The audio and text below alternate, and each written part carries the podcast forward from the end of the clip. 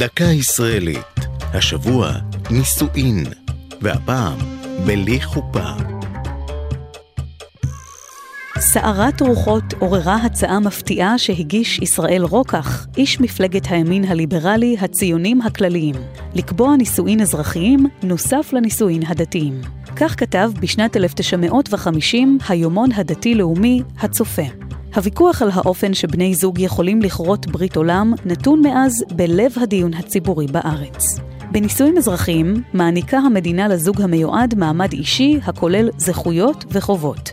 ישראל, לצד עשר מדינות בעולם, אינה מכירה בנישואים אזרחיים שנערכו בשטחה. נישואים וגירושים של יהודים נתונים לסמכות הרבנות הראשית.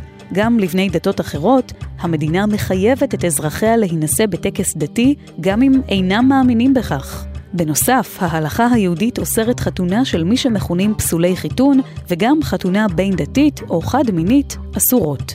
בעבר מצאו זוגות שחפצו בכך פתרונות שונים של נישואים אזרחיים בחו"ל. לאחרונה הכיר בית המשפט בדרך עוקפת אחרת, נישואי יוטה, הנערכים באמצעות זום כשהזוג בביתו והרישום נעשה במדינת יוטה בארצות הברית. זו הייתה דקה ישראלית על נישואין בלי חופה. כתב אביתר נכון, ייעוץ הדוקטור שוקי פרידמן, הגישה מרים בלוך.